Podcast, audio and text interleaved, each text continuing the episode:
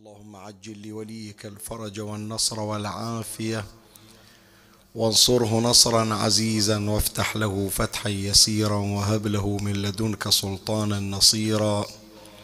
رب اشرح لي صدري ويسر لي أمري واحلل عقدة من لساني يفقه قولي.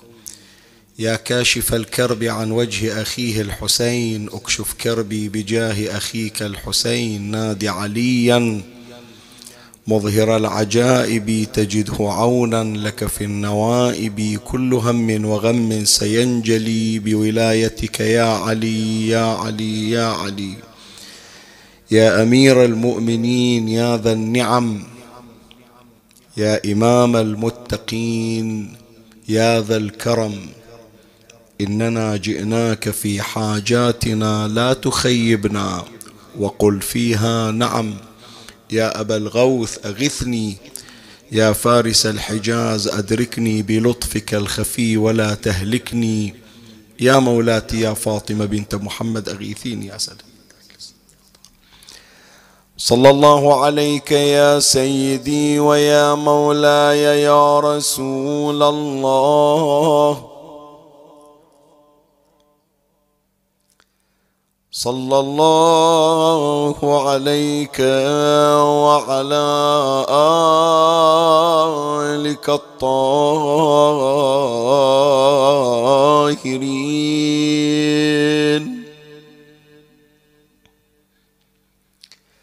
فاز من اعتصم بكم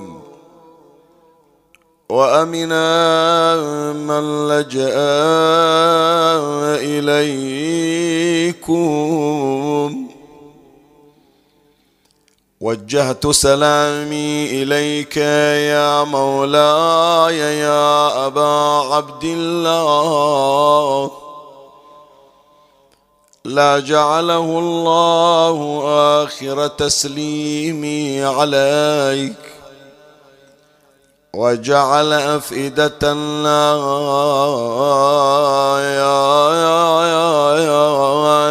تهوي إليك. عبدك وابن عبدك وابن أمتك المقر بالرق والتارك للخلاف عليكم. قصد حرمك واستجار بمشهدك السلام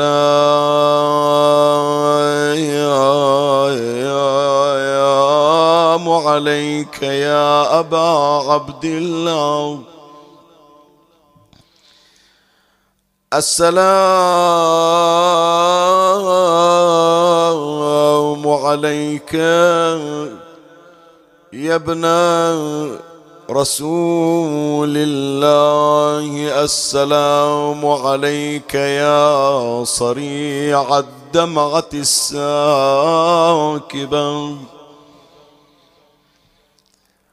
وصاحب المصيبة الراتبة. روحي لروحك الفداء ونفسي لنفسك الوقاية يا يا قتيل العداء ومسلوب العمامة والرداء.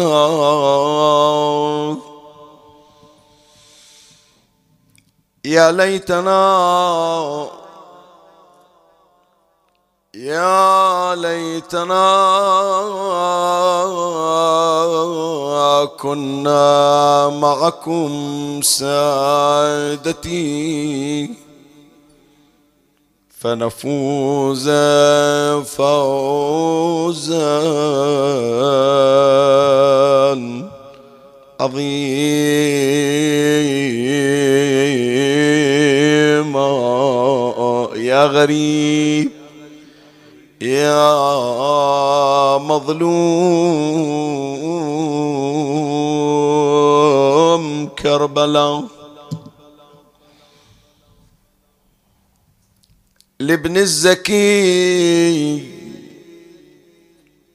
لابن الزكي ألا يا مهجة فطري من الدموع دمان دمان دمان يا مقلة الفجر. لابن الزكي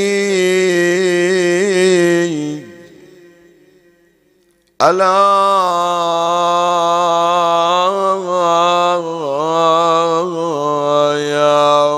مهجتي الفطر من الدموع دما يا مقلة فجري.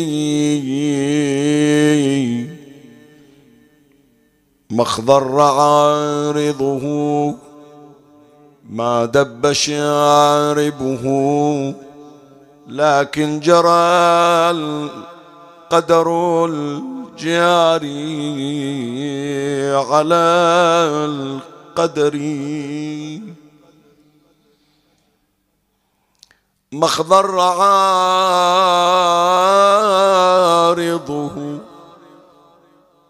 ما دب شاربه. لكن جرى القدر الجاري على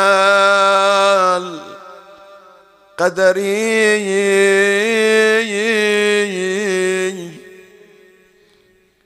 فاغتال مفرقه الأزدي بمرهفي فاغتال مفرقه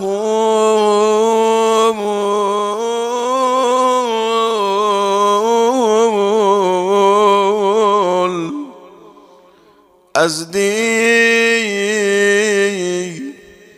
بمرهفه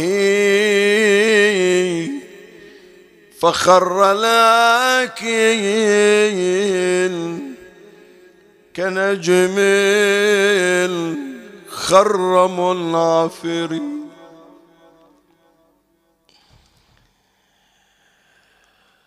فاختال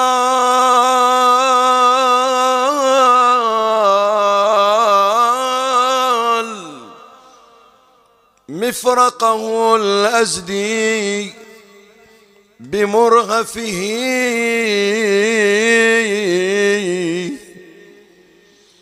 فخر لكن كنجم خرم عفري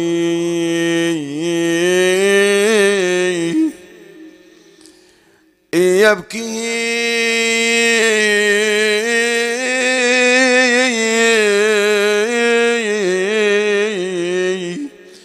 عمه حزنا لمصرعه فما بكى قمر إلا على قمري مرملا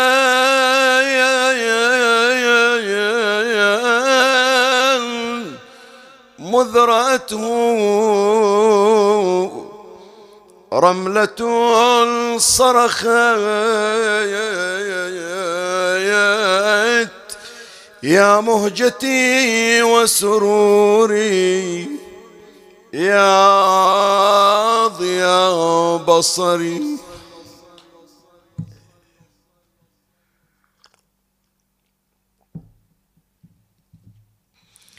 مرملا مذ رأته رملة صرخت. يا مهجتي وسروري يا ضياء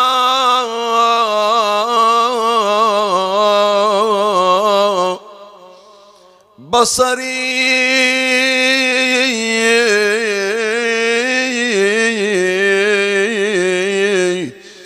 بني تقضي على شاطئ الفرات ظمن والماء أشربه صفوا بلا كدر. بني تقضي على شاطئ الفرات ضمن والماء أشربه صفوا بلا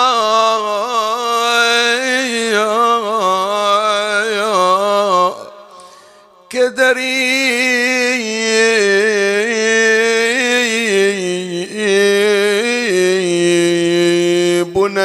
في لوعة خلفت والدة ترعى نجوم الدجى في الليل بالسهر. آه يا ابني.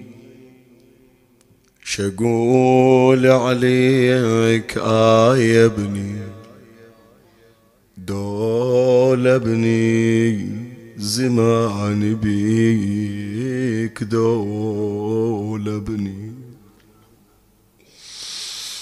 دول ابني زماني بيك يا سلوى.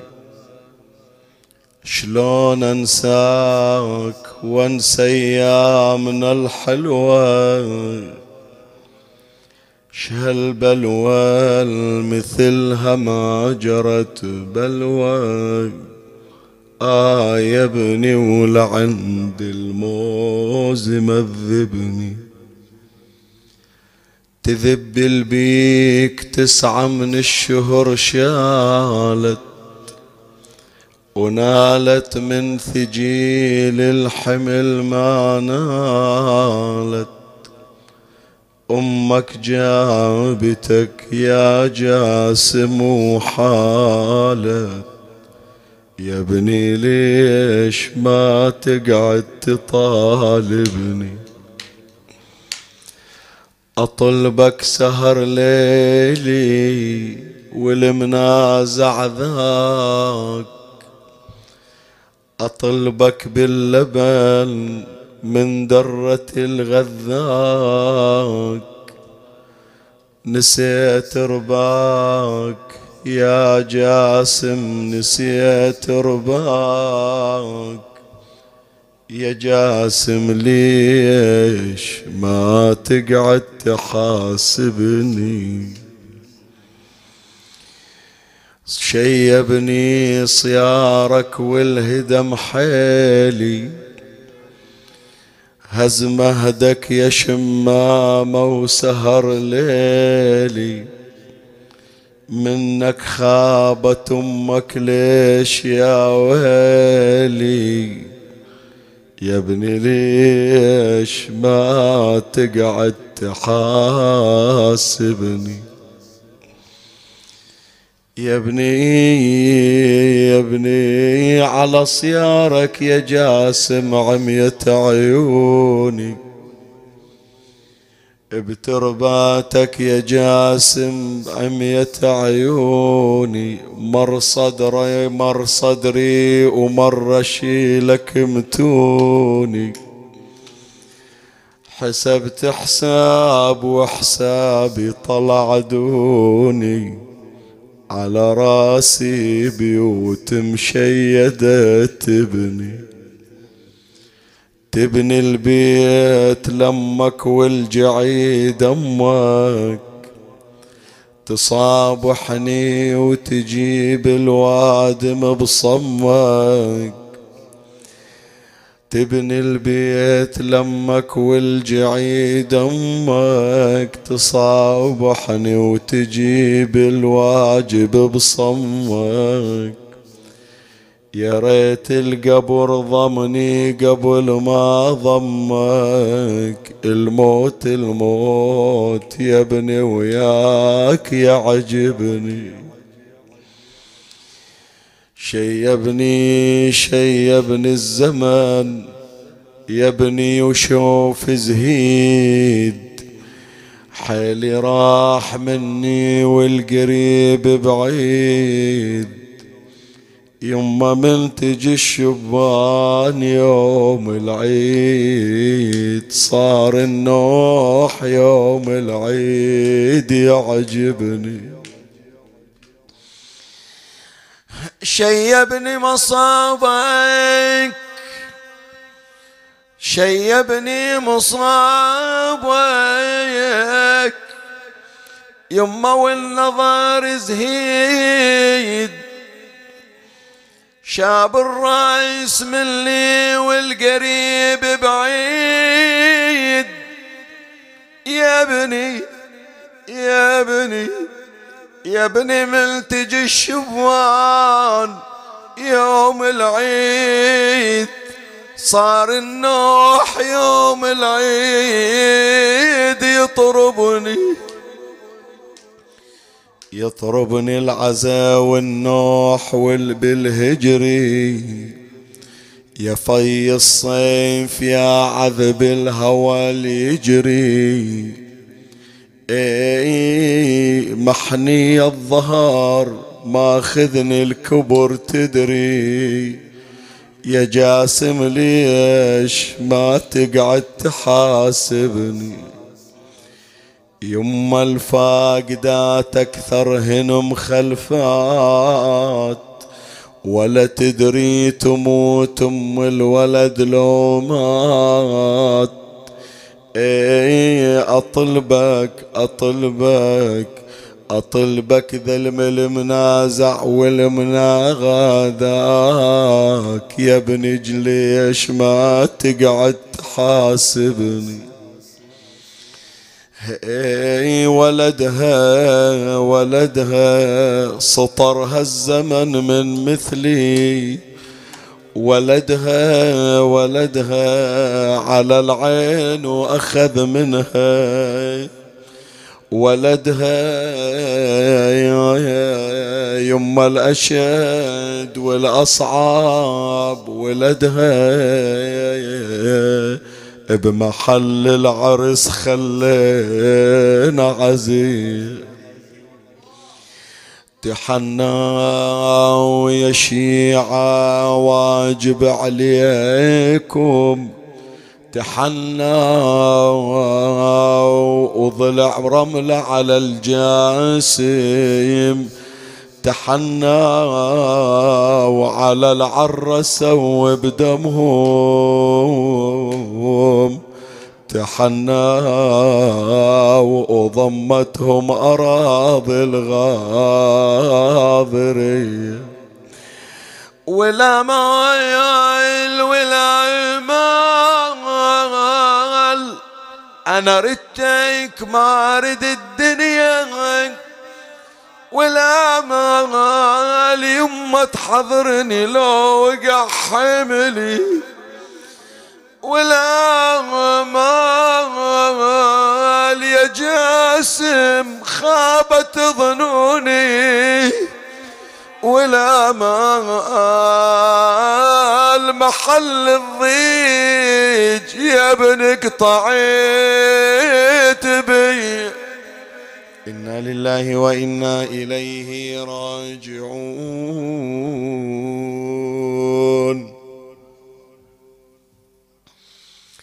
قال سيدنا ومولانا أبو عبد الله جعفر بن محمد الصادق صلوات الله وسلامه عليه لصاحبه أبي جعفر محمد المعروف بمؤمن الطاق عليك بالأحداث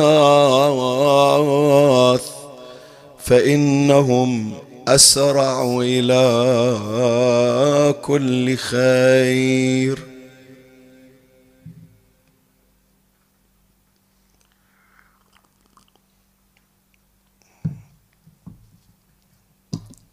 كان الكلام في الليلة الماضية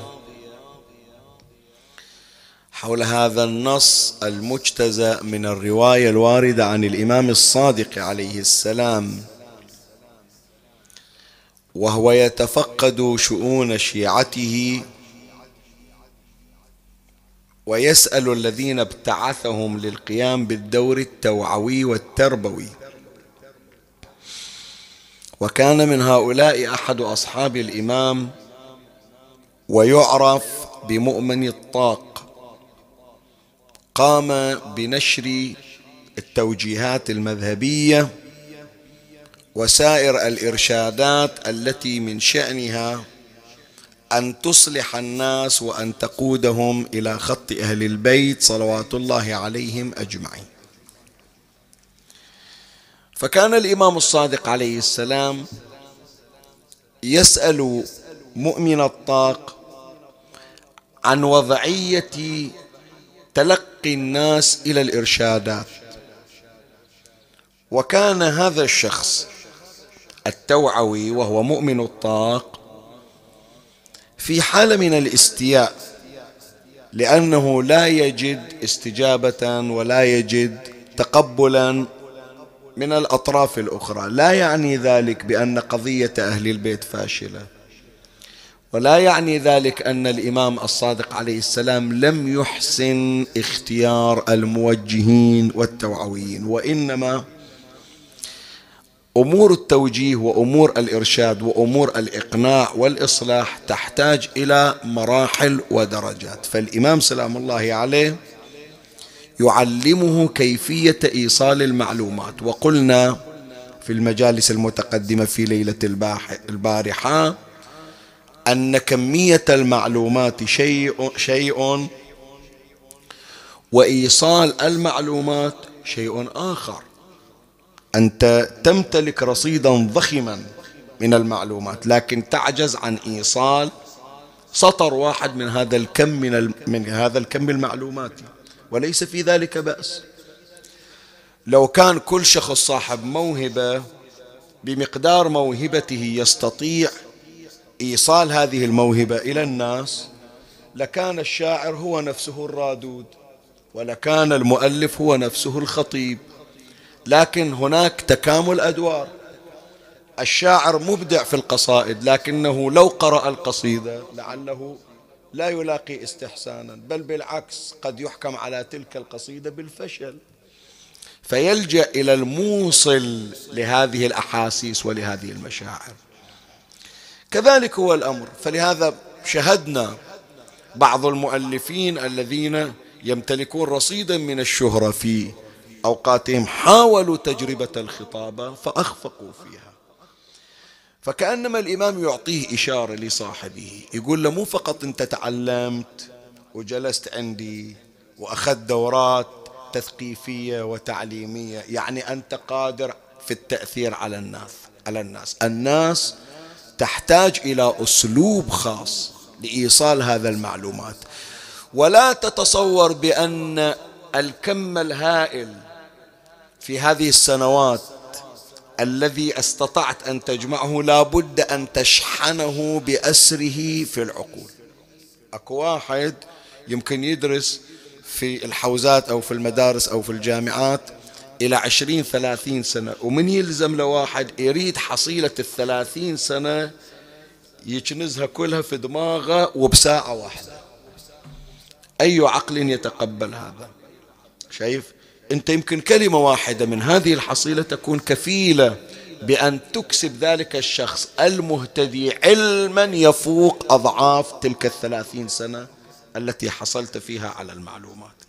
فالإمام سلام الله عليه أخبره بخطوات التعليم والتثقيف والإقناع والتواصل مع الآخر وجعل في مقدمتها أن يستعين بالشباب. اللي عبر عنهم الإمام الصادق عليه السلام بالأحداث وقال وبين الإمام علة اختياره للشباب قال لأنهم أسرع لكل خير. شنو معنى أسرع لكل خير؟ بحثنا في الليلة الماضية لا حاجة لاجترار المبحث وذكرنا أن للشاب تحديدا تميزين تميزين التميز الأول تميز ظاهري والتميز الثاني تميز باطني. ما الفرق بين الاثنين تجده في المحاضرة المرفوعة التي هي بعنوان القاسم ابن الحسن والالتزام الديني. ثم بعد أن انبسطنا في الحديث استخلصنا هذه النتيجة أن أهل البيت عليهم السلام دائما ما يشركون في مشاريعهم شريحة الشباب. وهذا ما نحييه ونجدده خصوصا في هذين اليومين. هذان اليومان لشباب أهل البيت لشباب عاشوراء لشباب الطف. نؤكد على مقام القاسم ابن الحسن. نظهر للآخرين مقام علي الأكبر وغير هذين الشابين من سائر الشباب الهاشمي.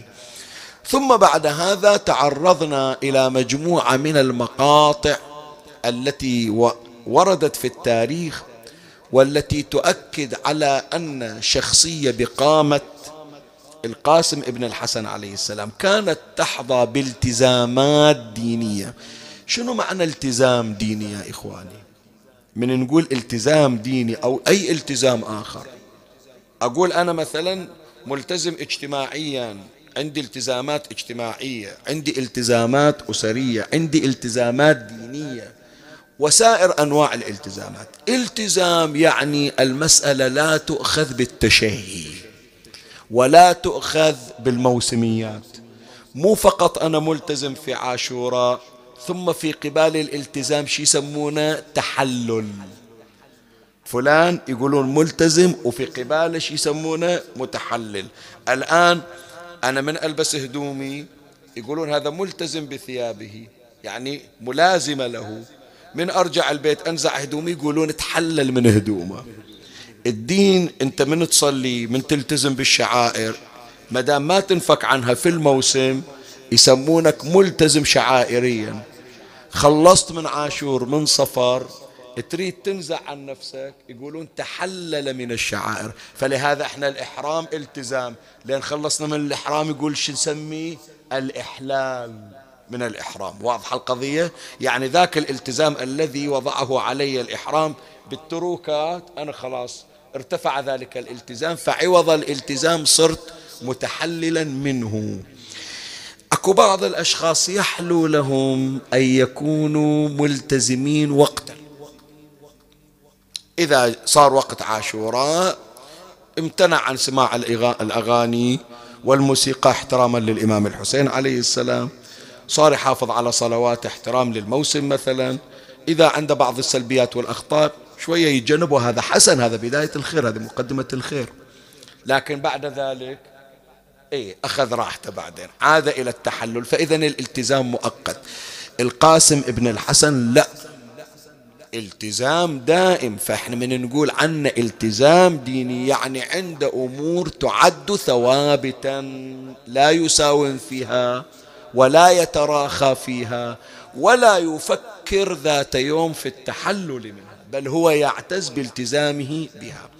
وقد ذكرنا في الليلة الماضية في المجلسين من صور التزام القاسم الذي يجعله يعامل المكروه معاملة المحرم. يعني إحنا المحرم شوية نتوقف عنده مو تمام لكن المكروه قد يصدر بل كثير ما تصدر منا المكروهات. القاسم ابن الحسن عليه السلام حافظ على عدم ارتكاب المكروه وعامله معاملة المحرم. وعامل المستحب معاملة الواجب. فلهذا بعض علمائنا قالوا بأن القاسم عليه السلام وصل إلى درجة العصمة من خلال هذه الأمور والشواهد والقضايا. هذا اللي يفسر ليش إحنا اخترنا القاسم تحديدا. مع العلم عنده إخوان ليش بالذات القاسم من أولاد الحسن؟ قد واحد يقول شيخنا لأن أصغرهم لا أكو أصغر من عنده وهو عبد الله بن الحسن. فإذا كإطلالة. تحدثنا البارحة عن الالتزام الديني عند القاسم ابن الحسن عليه السلام. وعرضناه كنموذج رائد نقدمه للعالم بأسره. هذا اليوم نتحدث عن التزام آخر للقاسم بن الحسن عليه السلام. مو التزام ديني وهو يدخل في ضمن الالتزام الديني. نعبر عنه بالالتزام السلوكي. شلون شيخنا؟ شنو الفرق بين الالتزام الديني والسلوكي؟ الالتزام السلوكي يعني مجموعة من التصرفات الحياتية والمعيشية التي نتعامل بها وتعد عندنا من الثوابت وهي التي تعرض شخصيتنا للآخر يحكم على الآخرون على شخصيتنا من خلال تصرفاتنا. من خلال سلوكياتنا من خلال ما يصدر منا. فعند القاسم مجموعة من السلوكيات التزم بها هي التي جعلته بهذا المستوى الرائد. وإحنا يا إخواني من نشير إلى هذه الالتزامات السلوكية بغرض أن نخرج ابتداء من هذا اليوم اطفالا وشبابا قاسميين. أنا أنا شايف الآن. جزاهم الله خير الجزاء. بعض الهيئات وبعض اللجان قامت بتأسيس مثلا هيئة أو تأسيس مضافة يعبرون عنها قاسميون أو يحطون هاشتاج مثلا وتصير مثلا group يسمونه قاسميون. شنو يعني؟ يعني نحن نحن ننتمي للقاسم. في إحياء شعيرة القاسم في إحياء عرس القاسم في إحياء يوم القاسم. لكن ما يخالف يوم تاسع مو يقولون خلاص بطلنا خلصنا قاسميون من الحين للجاية. إحنا نريد يا إخواني نفعل سلوكيات القاسم. الأخلاقيات والتصرفات التي كان يراها القاسم بن الحسن عليه السلام ثوابت. المفروض هذه أنت أنت صاحب الهيئة تقوم بتفعيلها طيلة أيام السنة تقول هذا نموذج القاسم ابن الحسن. إلى أن يتجدد في كل عام وفي كل سنة. فإحنا عنوان حديثنا لهذه الليلة أو في لهذه في هذه المحاضرة وهذا المجلس الشريف القاسم ابن الحسن والالتزام السلوكي. أعرض صورة وبقية الصور ستكون إن شاء الله في المجلس اللاحق فيما بعد في الساعة الرابعة في مأتم المحموديات في قرية كرانة من الله استمد العون والتوفيق ومن مولاي أبي الفضل العباس المدد وألتمس منكم الدعاء وصلوا على محمد وآل محمد.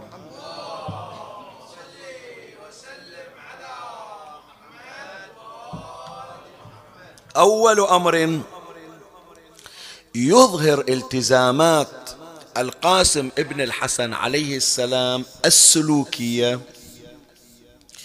مجالسة الكبار. القاسم ابن الحسن عنده حرص على أن يجالس الكبار مع صغر سنه. شقد عمر القاسم؟ يقولون 13 سنة بعضهم يقول 15 سنة. هكذا وصفوه أنه لم يبلغ الحلم يعني دون البلوغ. ومع ذلك عشقه أن يجالس الكبار أن يكون مجلسه مع كبار السن. هذا ما نستفيده خلي أول أعرض الرواية اللي أبني عليها هذا المطلب ثم بعد هذا أتي وأفصل.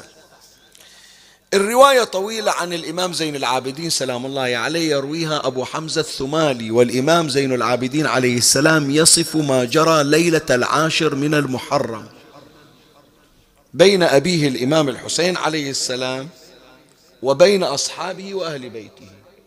الإمام الحسين صلوات الله عليه صار يجالس أصحابه وأهل بيته ويعرض عليهم الرجوع ويخبرهم بأنه سوف يقتل وأن مقدار التضحية الذي قدموا حتى هذه الليلة ليلة العاشر هو كافي بالنسبة له. فهم يرجعون. هذا الليل قد أرخى سدوله وغارت نجومه فاتخذوه لكم سترا جميلا وليأخذ كل واحد منكم بيد رجل من, أصح من أهل بيتي وتفرقوا عني في سواد هذا الليل فإن القوم لو قتلوني ما فكروا فيكم. عملية غربلة. عملية غربلة. يقول أنتم الآن وصلتوا إلى درجة الكمال بما قدمتموه. تحبون الدرجة الأكمل؟ تبقون وياي وتضحون. تكتفون بالكمال أنتم ترجعون. فمو الحسين يعني جاي يخدعهم لو رجعوا أنهم سينقص مثلا كذا سيعودون إلى المربع الأول إلا تاب سحبت التوبة. واللي كان ناقص الفضل وناقص الكمال رجع إلى نقصه. يقول لا أنتم بهالمستوى الآن وصلتم إلى درجة الكمال. دون الشهادة تريدون درجة الأكملية تكملون وياي المشوار. فهم حبوا الأكملية. ومن هنا يا إخواني هذه الكلمة يا ريت وأخواتنا وأحبائنا اللي يلخصون يأكدون على هالكلمة هذه. شوية حط بالك إلى الكلمة. شباب ديروا بالكم إلى الكلمة. هل تريد أن تكون مع الحسين عليه السلام؟ شو تقولون شباب؟ تحبون تصيرون ويا الحسين لو ما تحبون؟ شلون تصيرون ويا الحسين؟ وين وين؟ خبرني وين؟ وين تحب تصير ويا الحسين؟ الآن بس فكر لا تستعجل في الجواب. أدري العاطفة تسبقك. بس فكر فيها أول. وين تبغى تصير في ويا الحسين؟ زين بعضهم يقول شيخنا أبغى أصير ويا الحسين في كربلاء. أنا ويا الحسين في البحرين في المأتم بس أنا أتمنى أني أصير ويا الحسين في كربلاء. زين أصير هناك عند الضريح أقرب واحد عند الشباك. طيب وما بعد؟ وبعد الموت؟ خو إذا مت ما بيسوي لك قبر عند الشباك وبيدفنونك. بيرجعونك للمقبرة. هل يقال لك إذا كان تفكيرك أن المعية مع الحسين فقط عند الضريح فإذا خرجت حتى ولو لقضاء حاجة يقولون ذيك الساعة أنت في قضاء حاجتك لست مع الحسين؟ هذا تفكير حط في بالك. واحد يقول شيخنا يا ريت أنا ويا الحسين. شلون قال؟ يا ريت أخدم في العتبة الحسينية. تمام. أنت رحت هناك لكن المعية أرقى. لا شيخنا أريد أصير ويا أتباع الحسين. الحسين من يختار خدم من يختار خواص أريد أصير أنا من خواص الحسين. تمام؟ هذه أرقى طبعا. أرقى من واحد واقف عند الضريح. قد واحد من الخواص وهو في بيته. وقد واحد عند الضريح ومحروم من هذه الخاصية. زين أكو ناس درجتهم أرقى يقول ما تكفيني الخواص. أريد أكون من أنصار الحسين عليه السلام. أريد شلون جون خادم الحسين؟ شلون الغلام التركي أميري حسين ونعم الأمير؟ أريد أصير هالشكل. الحسين من يسجل الأنصار يضمني وياهم حتى لو أنا ما قتل في سبيل أكو ناس يا إخواني لا مو أنصار الحسين. أنصار الحسين ما واحد. بتخلي جون وبتخلي العباس. هذا هذا تتصور أنهم يتساوون؟ لا.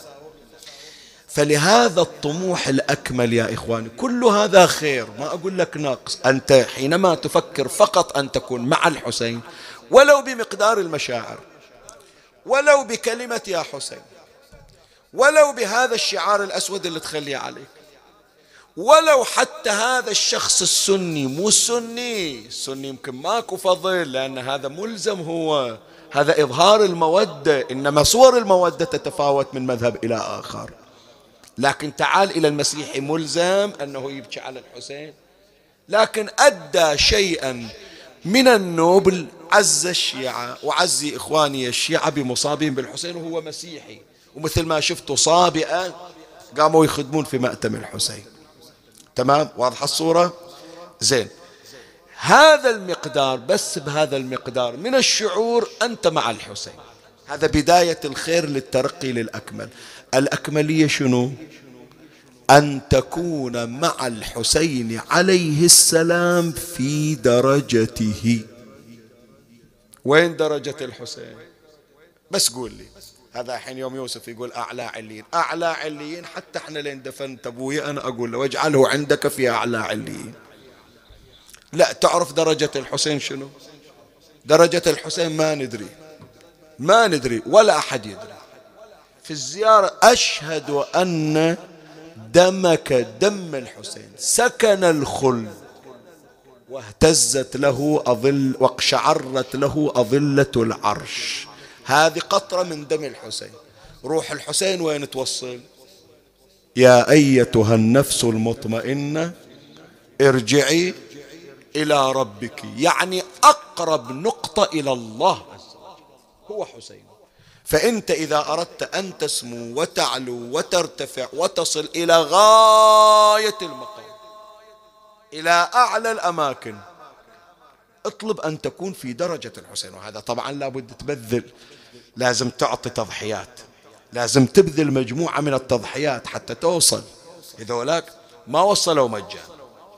زين فإحنا يا إخواني حتى تكون سلوكياتنا ملتزمة فنصل إلى درجة الأكملية بأن نكون في درجة المولى سلام الله عليه. مو باستحقاق وإنما بتفضل منه. وحدة كما تقدم عدة في الحديث مجالسة الكبار. هذول الإمام الحسين عليه السلام جلس معهم كما يقول الإمام زين العابدين عليه السلام وصار يعرض عليهم. أن يكتفوا بالكمال هم أرادوا الأكملية الدرجة الأعلى.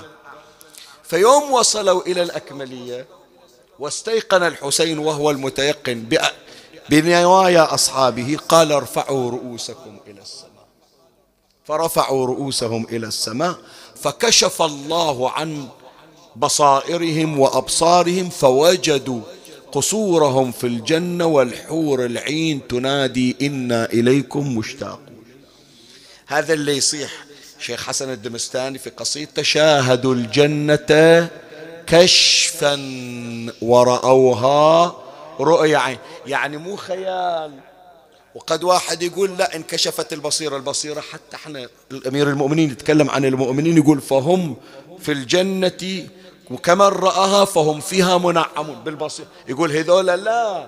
المشاهدة العيانية يعني رفعت حواجزنا حواجز رفعت الحواجز التي تحول بيننا وبين الجنة بينهم وبين الجنة. طيب في هذا المضمار القاسم ابن الحسن متى تكلم؟ نهاية الجلسة نهاية الحوار. ورواية الإمام زين العابدين عليه السلام تكشف أن القاسم كان متواجدا وهذا التواجد أعقبه محاورة بين الإمام الحسين عليه السلام وبين القاسم. فالجزء الأخير من الرواية فقال القاسم بن الحسن عليه السلام وأنا في من يقتل؟ لأن الإمام الحسين يوم اللي استخلص من أصحابه نياتهم أخبر كل واحد بقتلته. أنت تقتل كذا أبا الفضل تقتل كذا فلان تقتل كذا. ثم القاسم بعد ذلك سأله قال وأنا في من يقتل؟ لو بس أنا قاعد قاعدة تشريفية. الإمام سلام الله عليه هكذا ورد في الرواية فأشفق عليه. فقال له يا بني كيف الموت عندك؟ المفروض الواحد فطرته تخوف من الموت. أنت كيف الموت عندك؟ قال يا عم فيك أحلى من العسل نص آخر أشهى من الشهد. أحلى من العسل. فقال إي والله فداك عمك إنك لأحد من يقتل من الرجال معي بعد أن تبلوا ببلاء عظيم ويقتل ابني عبد الله. شوية هذه بعيد عن بحثنا. هالكلمة بس في عشر ثواني عشرين ثانية. ويقتل ابني عبد الله. إيش جايب الحكي عن الرضيع؟ ليش بعد الإمام يخبر أنه حتى عبد الله الرضيع بيقتل؟ ثم هل هو الرضيع الوحيد عبد الله اللي قتل له الحسين عنده غيره؟ عبد الله الرضيع عمره ستة أشهر وولد رضيع في يوم العاشر للحسين عليه السلام وقتل في ذلك اليوم. بمجرد أن أراد الحسين أن يؤذن ويقيم في أذنه ليش يذكر الحسين؟ عبد الله له شأن يا إخوان. عبد الله الرضيع له شأن وهو أحد الأنصار وأبواب الحوائج. الإمام الحجة في زيارة الناحية أفرد له زيارة خاصة مع العلم أكو رضع آخرين. ما زارهم الإمام إلا بالزيارة العامة. هذه كلها من الأسرار من أسرار عبد الله الرضيع. إن شاء الله نتعرض إلى في ليلة غد إن شاء الله في مجلس ليلة غد. فهذه الرواية تكشف لنا بأن القاسم ابن الحسن كان مجالسا للكبار. الآن نأتي إلى بعض الدروس المستفادة من هذا النص ونختم حديثنا. يا جماعة إحنا من نقول أن واحدة من الالتزامات السلوكية عند القاسم أن القاسم وهو طفل عمره 13 سنة يجالس الكبار. من الالتزامات عند مو جاية عرضية. لا لا لا من الالتزامات أنه يبحث عن مجالسة الكبار. طيب مجالسة الكبار ماذا نستفيد منها؟ واحدة منها يا إخواني تحصيل الفائدة خصوصا إذا انتقيت المجلس الذي تجلس فيه. أنا الآن أبو تسع سنوات ثمان سنوات. بعد تجربتي في الحياة قليلة. مهما حاولت أحصل معلومات المعلومات اللي تجيني تجيني بالقطارة. فأحتاج أدور إلي مستودع أحتاج أدور إلي مخزن. هذا المخزن أتناول منه البضائع التي من شأنها أن تغذي فكري. ولهذا يا إخواني أنا كل هذا المجلس هذا الموضوع يهمني في هذه النقطة. نحن نفتقد مجالس كانت مربية للأجيال صانعة للأجيال للكبار وهم في عمر الطفولة. أعيد الكلمة.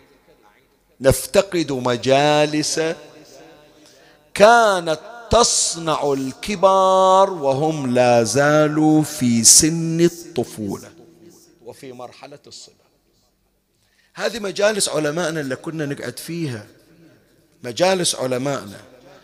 تقول لي شيخنا هاك موجودة مجالس بس أنا أقول لك الآن وأخاف أنه هذا الكلام يسبب حساسية عند البعض. لا أنا لست في معرض التهجم وإنما في معرض الدعوة إلى إعادة تلك المجالس.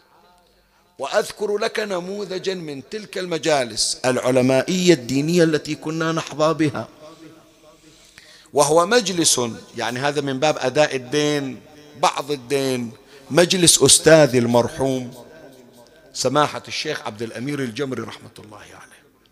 شيخ عبد الأمير الجمري رضوان الله على روحه كان عنده مجلس في ضحى يوم الجمعة من كل أسبوع. ذاك اليوم يوم الجمعة مو بس هذا المجلس في مجالس عدة مجلس المرحوم السيد الغريفي سيد علوي الغريفي مجلس سماحة آية الله الشيخ عيسى أحمد قاسم. مجالس موجودة مجلس سماحة العلامة الشيخ أحمد العصفور رحمة الله عليهم. شايف؟ لكن مجلس الشيخ الجمري مميز تدري بشنو؟ أن سماحة الشيخ الجمري رضوان الله عليه تقع عينه على الأطفال الصغار من عمر سبع سنين وثمان سنين وتسع سنين. ويعاملهم معاملة الكبار. أنا مو جاي أسرد إنشائيات أنا أنقل لك تجربتي الشخصية. واحد من أصحاب الأيادي البيضاء علي والذي لا زلت مدينا له. أنا في كل صلاة لا أنساه من الدعاء. المرحوم الأب الشيخ عبد الأمير الجمري رحمة الله عليه. لأنه من يوم كان عمري سبع سنين ثمان سنين وهو يهتم بينا يفتقدنا إذا لم يرنا في صلاة الجماعة. ولعله يقصد بيوتنا فيسأل فلان ليش ما جاء اليوم صلى؟ ويش فيه مع العلم ذاك الوقت كان قاضي وكان عنده مشاريع من عقد وعقود كذا ومأذونية واهتمامات أخرى وتأليف ومحاضرات وغيرها. وإذاعة يعني أشغال ما شاء الله تملأ الساحة. لكن مع ذلك لا يمنعه ذلك أنه يبحث اليوم هذا الصبي أبو ثمان سنين فلان. كان يجي يصلي هذا ود منه؟ يقولون له ولد فلان. فيروح يسأل عنه ليش ما تجي؟ تعال أريد أشوفك بالمسجد. وكان يعرض علي وهذا يعني أنا أول خطابتي ترى كانت ويا أستاذي شيخ عبد الأمير رحمة الله عليه. هو أستاذي الأول. وبعد ذلك توزعت آه، مرحلة تحصيلي على سائر الأساتذة سواء كانوا في البحرين أو في العراق أو في القطيف أو في الأحساء أو في سائر المناطق أقصد من أجل التحصيل. بس الأستاذ الأول الشيخ الجمري رضوان الله عليه يعني. ثم ابتدأت مرحلة أنه إحنا عندنا مجلس إحنا عندنا محاضرة إحنا عندنا احتفال. تعال ويانا فياخذنا وياه بالسيارة ويمكن يجي هو بسيارته وياخذنا وياه. وإحنا أطفال. وغيري هم موجود. إنما أنا فضلني الله وحصلت على هذه النعمة نعمة التتلمذ على يده. بعد من الأشياء يا إخواني وهذا يمكن بعضكم يستغرب من عليه تدري إحنا من قبل البلوغ من قبل مرحلة البلوغ وإحنا نطلع الخمس نعرف مسائل الخمس ونخمس قبل لا نطالب بالخمس. وكانوا يضحكون علينا أحيانا نجيب مئة فلس. خمسنا أحيانا ما عندنا من الأموال إلا مئة فلس. خمس إيش قد خمس المئة فلس عشرين فلس. فنجيب عشرة فلس وعشرة فلس. يضحكون علينا. بس كان عندنا خوف في ذاك الوقت شايف؟ وحالة تورع من جراء المجالسة في مجالس العلماء. إخواني مثل هذه المجالس نحن نفتقدها. المجالس لا تزعلون من عندي. المجالس لا هي كوستا ولا ستاربكس أجي أدور الشاي والقهوة. هذه إذا إجت ضيافة من باب الإطعام والثواب. بس إحنا نبحث عن الغذاء الروحي أكثر من غذاء البطن. صحيح لو لا؟ إحنا أدور معلومة تغير مجرى حياتي أكثر من أنه أنت قدمت لي المجالسة مجالسة العلماء. لما يكون فيها كان رسول الله صلى الله عليه وآله إذا جلس في مجلس يوزع أنظاره على الحاضرين ما يقول أجود لي واحد اثنين أسولف وياه والباقي خلهم يسمعون يستفيدون أو ما يستفيدون بكيفهم؟ لا. ما يطلع واحد خالي الوفاق وهذا ما نريده يا إخواني. نريد المجالس الآن الموجودة مجالس بناءة مو فقط مجالس تشريفية. جاي أسلم على السيد وعلى الشيخ وأبوس إيده وأشرب شاي وفي أمان الله. خمس دقائق. قول لي أنت كل أسبوع أكو عندك مجلس سيد فلان مجلس شيخ فلان مجلس المرجع الكذائي مجلس العالم الكذائي. من هالدورة في الأسبوع إيش حصلت إيش غيرت شنو من مسألة شرعية؟ شنو من فائدة؟ شنو من أمر وجهك إليه؟ شنو من تقويم صار في أخلاقك؟ هذا ما نستفيده من التزام القاسم السلوكي بمجالسة الكبار البحث عن الاستفادة. واحد. مما يستفيده أيضا القاسم عليه السلام من مجالسة الكبار. صنع الذات. المفروض هذا الولد إحنا الآن من الصير عندنا مجلس. شوف كم عائلة الآن عندها ديوانيات وعندها مجالس. أولادهم يحضرون فيها لو ما يحضرون. الأولاد الصغار يقتضي الأمر أنه يكون الأولاد حاضرين. طيب هذا الولد من يحضر هل صنعته أو لا؟ لا يزعلون صار حضوره في مجلسك سببا في إفساده. كم طفل كان نظيف تعبان عليه أمه. مو نظافة هدوم نظافة هدوم خليها ربع ساعة. غسالة أوتوماتيك تنظفها تطلعها أكثر من الجديدة. لكن نظافة قلب هذا بريء مثل الحمام مثل الطيور. ما يشيل في قلبه ضغينة ما متعلم على الألفاظ النابية. يحضر في مجلس وأخاف أقول أن هذا المجلس قد يكون مجلس أرحام مجلس أقارب إذا مو مجلس البيت. فيكون هذا المجلس عوض عن صناعته يكون سببا في هدم ما بناه الأبوان. صحيح الكلام لو لا؟ ولهذا يا إخواني الآن ابتدئوا أخواتي إلا كل واحدة لازمة كتابها ودفترها وقاعدة تدون وتلخص المحاضرة وتعرضون علي ابتدئوا الآن بتلخيص هذه الأمور. أذكرها كنقاط وأشرح ما أستطيع شرحه. اللي يريد يعقد مجلس. أقول اللي يريد يعقد مجلس. وما منع الصبية والأطفال من الدخول في مجلس مجلس تعزية مجلس عائلي أيا كان المجلس. بتدخل أطفال حاسب على أمور. هذه الأمور أولا احذر من التهجم على الناس. إحنا قاعدين في مجلس. أقوم أخوض في أعراض الناس وفي شخصيات فلان وفلتان وهذا طفل قاعد يسمع إذا من عمره ست سنين سبع سنين يسمع الحكي. هذا يهاجم العالم الكذائي وذاك يهاجم الخطيب الكذائي وهذا يهاجم الشخصية الكذائية. وبيت فلان يحاربون فلان وبيت عمنا فيهم وبيت إخواننا فيهم. ويتربى على أن المجالس قعدت قال وقلت فعل وفعلت. هذا باكر من يكبر شي يصير عنده؟ كم شفنا صبي عمي من أول ما كبر وقام يحكي مثل ما يقولون العراقيين صاير وكيح يتصور أنه حتى تصير رجال لا يسلم أحد من لسانك ولا أنت ما أنت رجال؟ أكو بعضهم الشكل. فإذا أول أمر تحذر منه شنو؟ عددها وياي احفظها خلي أسمع. حتى أعرف أنك متابع. أول واحدة شنو؟ لا راحوا ربعي الكمامات ترى بس عن الفيروسات ما تقول لكم سكتوا.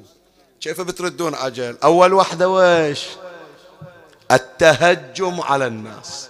يلا الحين بسمعها منكم. أول واحدة؟ إيه خليك وياي صاحي. أوتع لا تنام. ما بقى عندك شي ترى.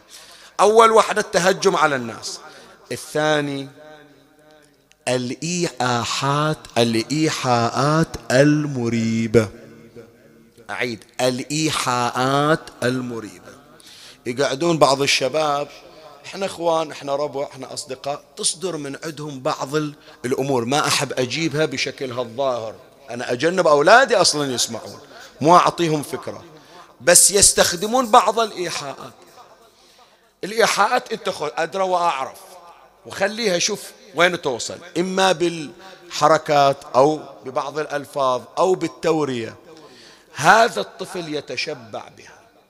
إذا هذا الأمر أنت ككبير ما قدرت تكون متمرس فيه إلا يوم وصل عمرك عشرين خمسة وعشرين ثلاثين سنة الصبي من وراء هذه المجالس الحاوية إلى الإيحاءات المريبة يصير لا بروفيشنال من يوم عمره عشر سنين.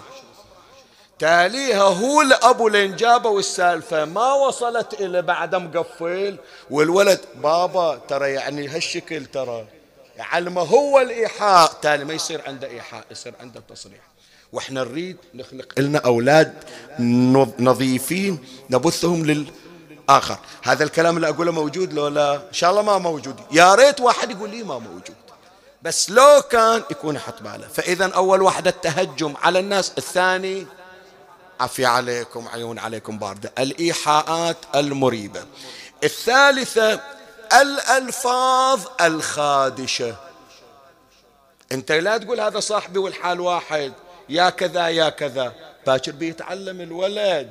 هو بيستخدم. ولين حاكيته شو هاكم قاعدين في المجلس خلصوا القراية وكل واحد سب الثاني يا كذا ويا كذا.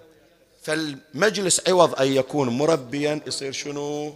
هادما مفسدا. هي ثلاثة. جينا إلى الرابعة. السلوكيات المرضية. وهذه شوية يعني بعد يعني كوادرنا الطبية يخدمونا بعد فيها يعني. انت ما يخالف. مبتلى أقول مبتلى. مبتلى بالتدخين. مو في المجلس. حاسب الموجودين وياك. من متى يا جماعة؟ إحنا إحنا يعني فترتنا.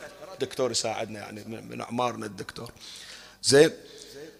إحنا في ذاك الزمن وإحنا ما دخلنا لكن نسمع في المدرسة لين واحد بدخن من الخوف يروح ينخش حشاكم في دورات المياه. مو تمام؟ الحين أولادنا ما يدرون على هالحكي. متى صارت صبي صغير يمشي والشيشة الإلكترونية في إيده والتدخين متجاهر فيه؟ هذا متى صارت؟ زين هذا إذا صار محترف في هذا العمر بهالمستوى من يكبر بظل على هالوضع لو بيزيد. زين اسأله قول له أنت متى تعلمت؟ ومن وين تعلمت؟ مودينك وين؟ وتعلمت؟ أي قهوة تروح؟ قال لا من قعدتي. في مجلسنا هناك أبوي وعمامي وأهلي من زود الريحة قلت زين وأنا شلون؟ متى باصير رجال؟ وعلى باله أن الرجولة ما تصير إلا إذا حط الجقارة على صوب. شايف؟ هذه يا إخواني السلوكيات المرضية تسهم في الإفساد. هيكون تجنب. أنت في مجلسك قدم أفضل ما لديك. اليوم بسألكم يا جماعة في المجالس شايف واحد يجيب صرة بقل وحطها على الصماط يقول هذه سلطتكم. لو يجيب لا بوفيه مشكل من السلطات.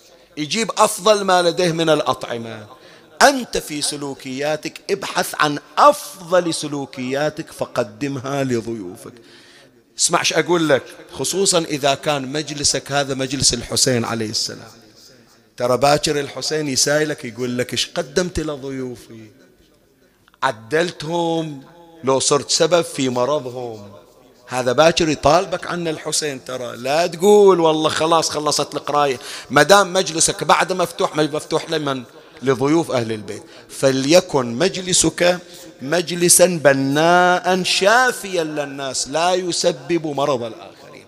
هذه الرابعة انسى حتى لو نسيت الأربع لا تنسى الخامسة. التهاون بالصلاة. أعيدها. التهاون بالصلاة. الإعادة الثالثة مو أنا أنت تقولها شنو؟ أحسنت التهاون بالصلاة. خلي يكون المجلس يدلل إلك على أن أصحاب المجلس هم الحريصون على الصلاة. مو مثل ما نشوف عند النساء والرجال. خلصت القراية قبل المجلس. أذن بعدهم قاعدين. صلت الناس وطلعت من المساجد بعضهم قاعدين. إذا هي نساء قاعدات في السوالف إذا هم رجال قاعدين على الدردشة. ترى هذا الولد حتى لو كان ملتزم إذا شاف المحل اللي يترجى أنه يصنع ذاته هو يشجعه ويحفزه على التقصير والتهاون في الصلاة. باكر من عنده مو يتهاون بل يكون تارك للصلاة والعياذ بالله. وهذه ترى أحكي لك مو نظريات وتصورات واستشرافات فعلا صارت. أكو ناس أولاد معلمينهم على الصلاة في أول الوقت. قعد في مجلس مرة وثنتين قام يقصر قام يتهاون. الآن يصلي عقب شوي يصلي. حتى لو صلى يريد يصلي بسرعة على تفوت السالفة. إلى أن إلى أن آل أمره إلى ترك الصلاة والعياذ بالله. هذا يا إخواني من أهم الدروس التي نستفيدها من الالتزام السلوكي عند سيدنا القاسم ابن الحسن عليه السلام. فلهذا قلت لك هذا اليوم إحنا مو جاي فقط نحيي ذكرى طفل لا. هذا سيد الرجال يا إخوان هذا سيد الرجال. هذا إحنا إحنا نقول إحنا الرجال الأجداد نتعلم من هالطفل أبو 13 سنة. فلهذا كان القاسم يحتل مساحة خاصة في قلب عمه الحسين. لما له من كمالات كمالات دينية وكلام وكمالات سلوكية. ومو بس هذا لا لأن القاسم بالذات يذكر الحسين بذكرى حزينة أليمة. مو قادر ينساه. صدق مو قادر ينساه. الحسين يحس نفسه مدين إلى الإمام الحسن. يتمنى يقدم للحسن أشياء كثيرة. شايف خصوصا يعني خلي أقول لك مرة عندك من إخوانك كل واحد بخير. الله يزيدهم والله ينعم عليهم. لكن واحد من الإخوان هذا حياته كلها شقاء ومشقة وفقر وتعاس. فأنت يصير على أولاده على أولاد أخوك اللي عاش في المرض وعاش في الفقر حنان أكثر. يقول ذيلاك أحبهم أولاد إخواني. بس هذول بالذات ما شافوا بيتهم أقل البيوت رزقهم أقل رزق عاشوا بالأمراض فتصير الشفقة عليهم أكثر وأكثر. مو تمام؟ الإمام الحسن عليه السلام كم ألم مر عليه؟ واحد يقول له السلام عليك يا مسود وجوه المؤمنين. واحد يقول له السلام عليك يا مذل المؤمن حتى في الصلاة يطعن في الصلاة.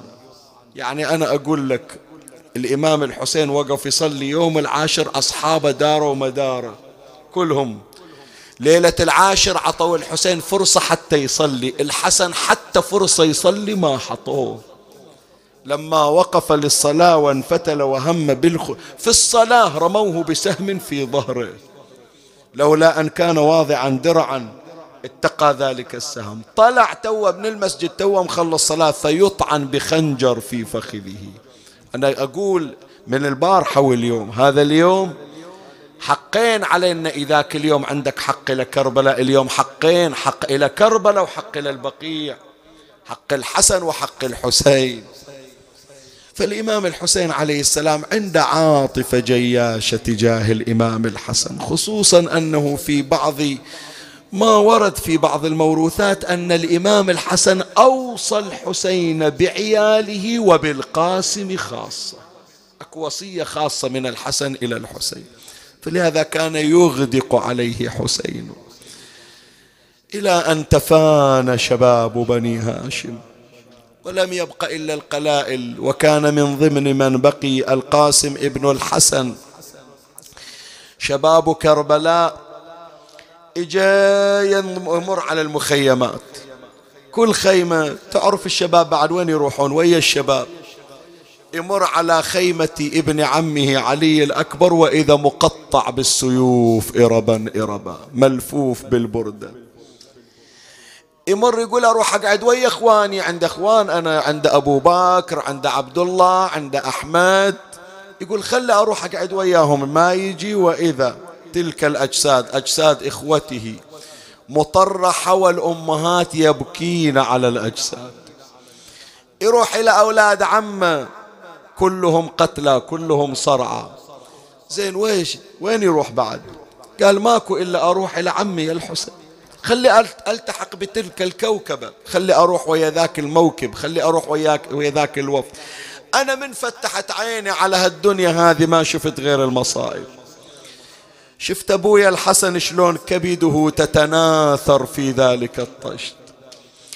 شفت نعشة حتى تشيع مثل الناس. ما حصل يا جماعة أسألكم حتى المحكوم بالإعدام حتى هذا المريض اللي يموت من هذا الفيروس يجيبونه باحترازات خاصة ويدفنونه. أسمعتم عن جنازة ترمى بسبعين سنة. بعضهم من العلماء يقول لا إلا طلعها الحسين سبعين سهم وإلا بقية السهام تكسرت في جسد الحسن يا أبا محمد دخيلك سيدي قاعدين نبكي على وليدك اليتيم. هل منظر هذا قدام القاسم؟ هل مأساة عاشها القاسم وهو لا زال طفلا صغيرا؟ بعد يوم كبر قال إن شاء الله أتهنى ويا عمي. في المدينة نعيد أمجاد أبويا يطرد حسين من المدينة ويطرد من مكة ويعاني أزمة التهجير. هذا اعتبر رحلة الحسين وإن كان قاصدا لكن كان ملاحقا. هذا كأنما مهجر عن حرم جده وحرم, وحرم الله. عاش هذه المحن آلام على قلب القاسم إجا يوم العاشر كل ساعة وجايبين جنازة كل ساعة وجايبين جنازة. يعني أنت تصور هذه خليها في بالك لأنك راح تستحضر هذه الصورة بعد يومين. القضية مو والله هذا الشاب قتل وجابوا جسده لا. أنت فكر في الأمهات الباكيات بعض الأمهات تقع على الأرض مغمى عليها. الآن يديرون بالهم إلمن إلى الجنازة لولا الأم اللي بتموت على الولد.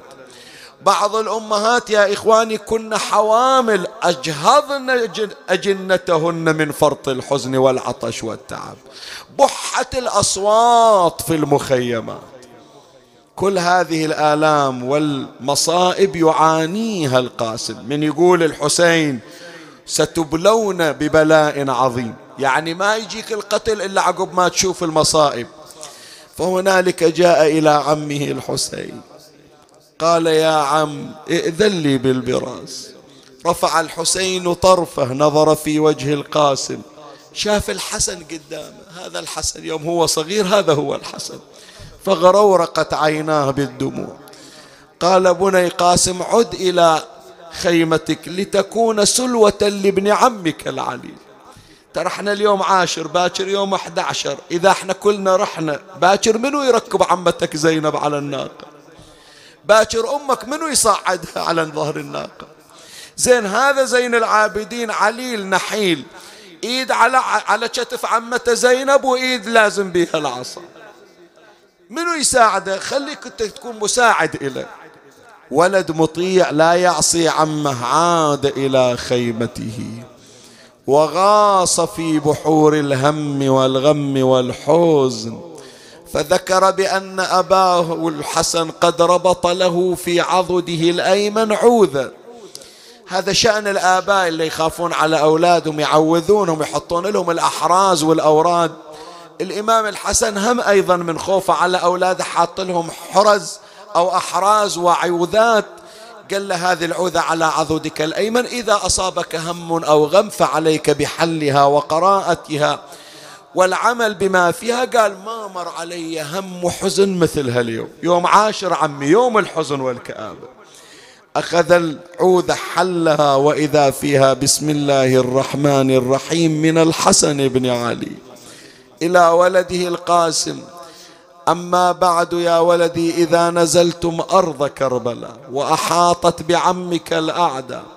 وطلبت منه البراز فمنعك فعاوده لتحظى بالسعادة الأبدية والدولة السرمدية. قال فرصة حصلناها. عمي ما يريدني أطلع لكن هذا أمر في أيام إمامة الحسن. الآن لازم يمتثل عمي. حصلنا الرخصة. أخذ ذيك العوذة وجاء مهرولا إلى خيمة عمه الحسين. صح يا عم حصلت الرخصة من إمام معصوم. قال له وين إمام معصوم? أنا الإمام المعصوم ما أعطيتك رخصة. وينها قال عمي شوف هذا الخط تعرفه لو ما تعرفه. أخذ الحسين عليه السلام تلك العوذة فوقع نظره على خط أخيه الحسن. هاجت به الذكريات. شو اتذكر اتذكر طيحته ويا الحسن على صدر فاطمة. اتذكر شلون طلعت إيدينها من الجفن وضمتهم إلى صدرها. اتذكر شلون قعدوا في مسجد الكوفة ورأس علي مفتوح نصفين بينهما. اتذكر الطشت وكيف تقع كبد الحسن فيه اتذكر النعش وكيف السهام قد تركزت فيها. فهنالك قام إمامنا الحسين عليه السلام وتوجه إلى جهة المدينة وصاح السلام عليك. مالك خاطر؟ ما يصير تعامل السنة مثل أي سنة. هذا أنت والزهرة بكيفك. أنت تالي أسوي عملية جرد وتقييم إلى أدائك في الموسم. كيف أديت حق الحسين في غربة مآتمه؟ ينتظر صوت من عندكم مميز السنة. ينتظر ون من عندكم مميزة. السلام عليك يا أبا محمد. نصرتنا حيا وميتا. ثم مضى إلى خيمة أخته زينب وقد قبض على يد القاسم. قال بني قاسم كما أوصاك أوصاني. قال وبما أوصاك يا عم؟ قال أوصاني أن أعقد لك على البنت المسمات مر به إلى خيمة أمه رملة قال يا رملة هل للقاسم ثياب الجدد؟ قالت أبو علي من وين أجيب ثياب جديدة؟ أنا الآن في محرم قاعدة ويا الثياب الجديدة. قل لي عندك سواد على هالجنايز الممددة قدامي. شاف ما تتحمل قال ما كل ذيك العزيزة هي الغالية هي كعبة المصائب. جايبنا حتى تصير لي عون وسند. جاء إلى أخته زينب قال أخي زينب علي بالصندوق الذي فيه عيب الثياب أخي الحسن. قالت أبا عبد الله وما تريد أن تصنع به؟ قال أريد أن ألبسها ألبسها القاسم. تلبس القاسم؟ بيروح ينقتل. شلون تلبس ثياب جديدة؟ قال يا زينب أريد أن أعقد له على البنت المسمات اليوم أبو علي. اليوم. خلي لين رجعنا المدينة ويا محمد ويا بقية العشيرة. قال لا يا زينب قوم يا زينب للحسن بالأدي حقوق اي اي حق حق هذا وبعض من حقوقه علينا. قوم يا زينب للحسن بالأدي حقوق زيني بليتي ونشفي دمعك المدفوق. قالت بعدلها وبخلي الجيب مشقوق وبقول عريسك يا سكنة تفقدين. سؤال أبو علي سؤال عندي. شلون العرس يا حسين وانت مالك أعوان؟ الزفة ينتظرون حضور الشباب يطلعون قدام المعرس. شلون العرس يا حسين وانت مالك عوان وجاسم شباب وهالزفاف يريد شباب وحضروا الشباب اليوم بمجلسنا. بس عمي اللي إذا رحتوا معاريس أحبائكم وأصحابكم تلبسون أحسن ثيابكم أشو لابسين سواد وجايين اليوم. والخيم بس أطفال تتصارخ ونسوان وحدك تزف وخيك العباس. وين؟ راح راح يا زينب راح. ما عندي أحد ما عندي إلا أنت أنت عباس يا زينب. يقلها يا زينب بالمصيبة ساعديني. حل البلايا مخدرة بينك وبيني مثلك أنا الشبان يختم شيبيني كل ساعة عاين شاب متعفر جبين. قومي قومي زينب قومي. إيش أسوي؟ قال البنت المسمات روحي خليها بخيمة وحدها. وأنا هذا العريس ألبسه وأجيب إيدي بإيده وأدخل على بيت عمه وأعقد ليهم. أنت جهز العروس وأنا أجهز العريس. اثنين نشتغل. اليوم كلنا اثنين خدام لأخونا الحسن. راحت زينب إجت إلى البنت المسمات مكسور خاطرها على أبو فاضل. قاعدة حاطة إيدها على خدها. من طبت قالت بنيه قومي. وين؟ قالت ألبسك ثياب جديدة وتقعدين. ليش عمه ما أريد ثياب جديدة؟ خليني قاعدة بالحسينية بالماتم أبكي على عمي. قالت لا مو أبوك عنده شغلة وياك. شنو الشغلة؟ قال الآن راح يجيب ابن عمك القاسم. ابن عمي ليش تجيبونه؟ قال يعقد له عليك. قالت عم أنا ما أعصي لكم أمر. لكن لو تأخذون رأي شوية تأخروا. إلين نرجع ويا أختي فاطمة العليلة. ولين نرجع ويا أم البنين؟ اليوم ما أقدر. ليش ما تقدرين؟ كل لسان حاله خيال. قالت ما لي عين يا عم أعرس والولي مذبوح. ما لي عين يا عم أعرس والولي مذبوح دمهلوني ثلاث ساعات. أنا بروح إلى المسنات وبشوف العام حيلومات وبجيب خضاب من دم جوابك مالي عين. عرس والولي. عم عم مالي عين يا عم.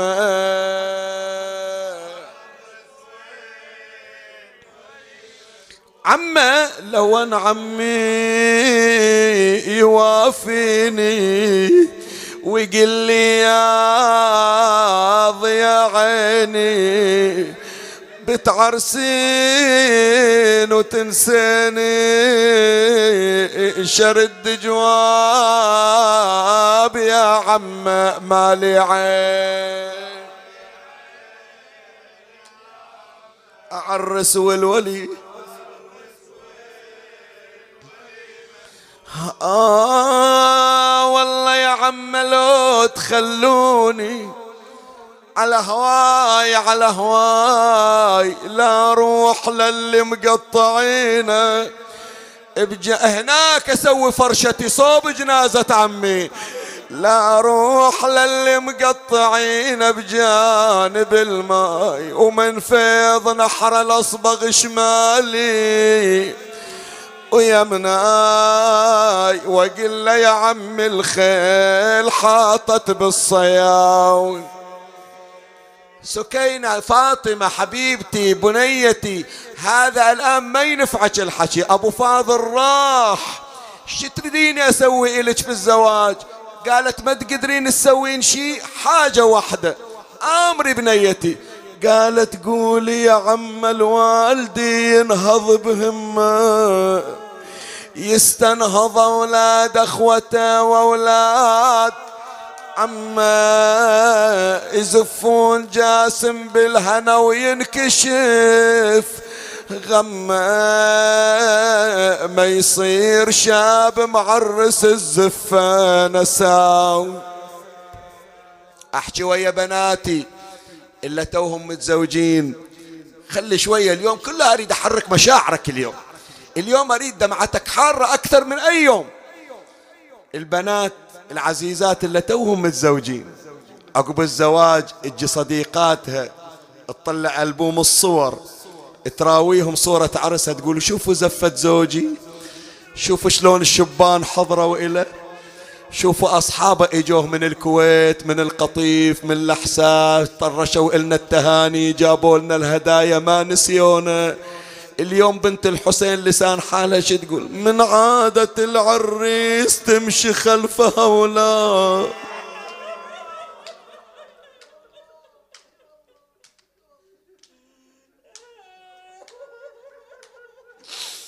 طيب خاطرها طيب خاطرها. لا تكسر خاطرها ولا خاطر المعرس.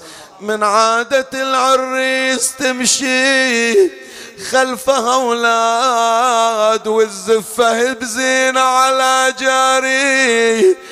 المعتاد وأنا يا عم معرسي من دون العباد. مكسور خده وينظر أمام مطاعي. إذا هذه العروس هي حالتها. الأم الأم شلون حالها؟ الأم الأم شلون حالها؟ رملة ما بين النساء تلطم صدرها معولة. لا هلا لا ولا تصفيق لطم على الروس وعلى الصدر. إيش هالعرس هذا؟ رملة ما بين النساء تلطم صدرها معولة. ردت نسفة في الولد ما بين قومه. وكل هلا ما دريت يصير عرس ابني بوادي كانها تقول له جاسم بس اسألك سؤال غير بزفك عمك هذه الأم الأم. إي يمه قالت وثيابك اللي جهزتها في المدينة ألبسها منو؟ ظلوا عندي أولاد. تاليها عقب بدلة العرس يا وليدي ملبسينك جفن أشوفك ميت قبل لا تموت. إي ثوب العرس يا جاسم مثل الجفن تفصيله. مدري القمر بالذابح لو نحوس ذو ذيك الليلة. ساعة عرس يا جاسم وساعة يا جاسم شيلة. ولما إجت كل عركة دارت عليك النوم. الآن هذه مو قراية شيخ ياسين هذا القاسم شباب راح يحكي وياكم. شفت صياحك في المجلس كله؟ هذا البيت أريدك تعامله معاملة خاصة. هي تحكي وياه ولا الولد يرد؟ أوصيك يما وصية. إيش عندك؟ إيش عندك؟ رايح للقبر إيش بتوصيني؟ أوصيك يما وصية. تسمعين لفظ جوابي. يما شبان لو شفتيهم ذكري يا يما شبابي وعقب الذبح يا والده لا تطلعين ثيابي وأنا العرس ما أريده وصوب القبر زفوني. الله صدق مجلس هذا منظور بمعنى الكلمة. لا شك عندي هذه فيوضات إمامي الحسن. ما بالي أقرأ المصيبة بالمجالس كلها ما قارنها. بس هذا من توفيق هذا المجلس. بعض الذاكرين يقول هذه رملة من رجعت للمدينة ما قدرت تنسى الولد. اجى يوم العيد اعطني مهلة اجى يوم العيد. أصدقاء القاسم من يجي العيد يمرون عليه يطلعوا عرفت إيش راح أقرأ لك ها؟ يوم العيد ولا الباب يدق. الأولاد إجوا على عادتهم نسيوا القاسم مذبوح. إي ولا والله دقوا الباب. صاحوا وين قاسم؟ ما بيطلع ويانا اليوم. صاحت أثار الولد للكبد مرات يا محلاه يمشي ويا الأولاد.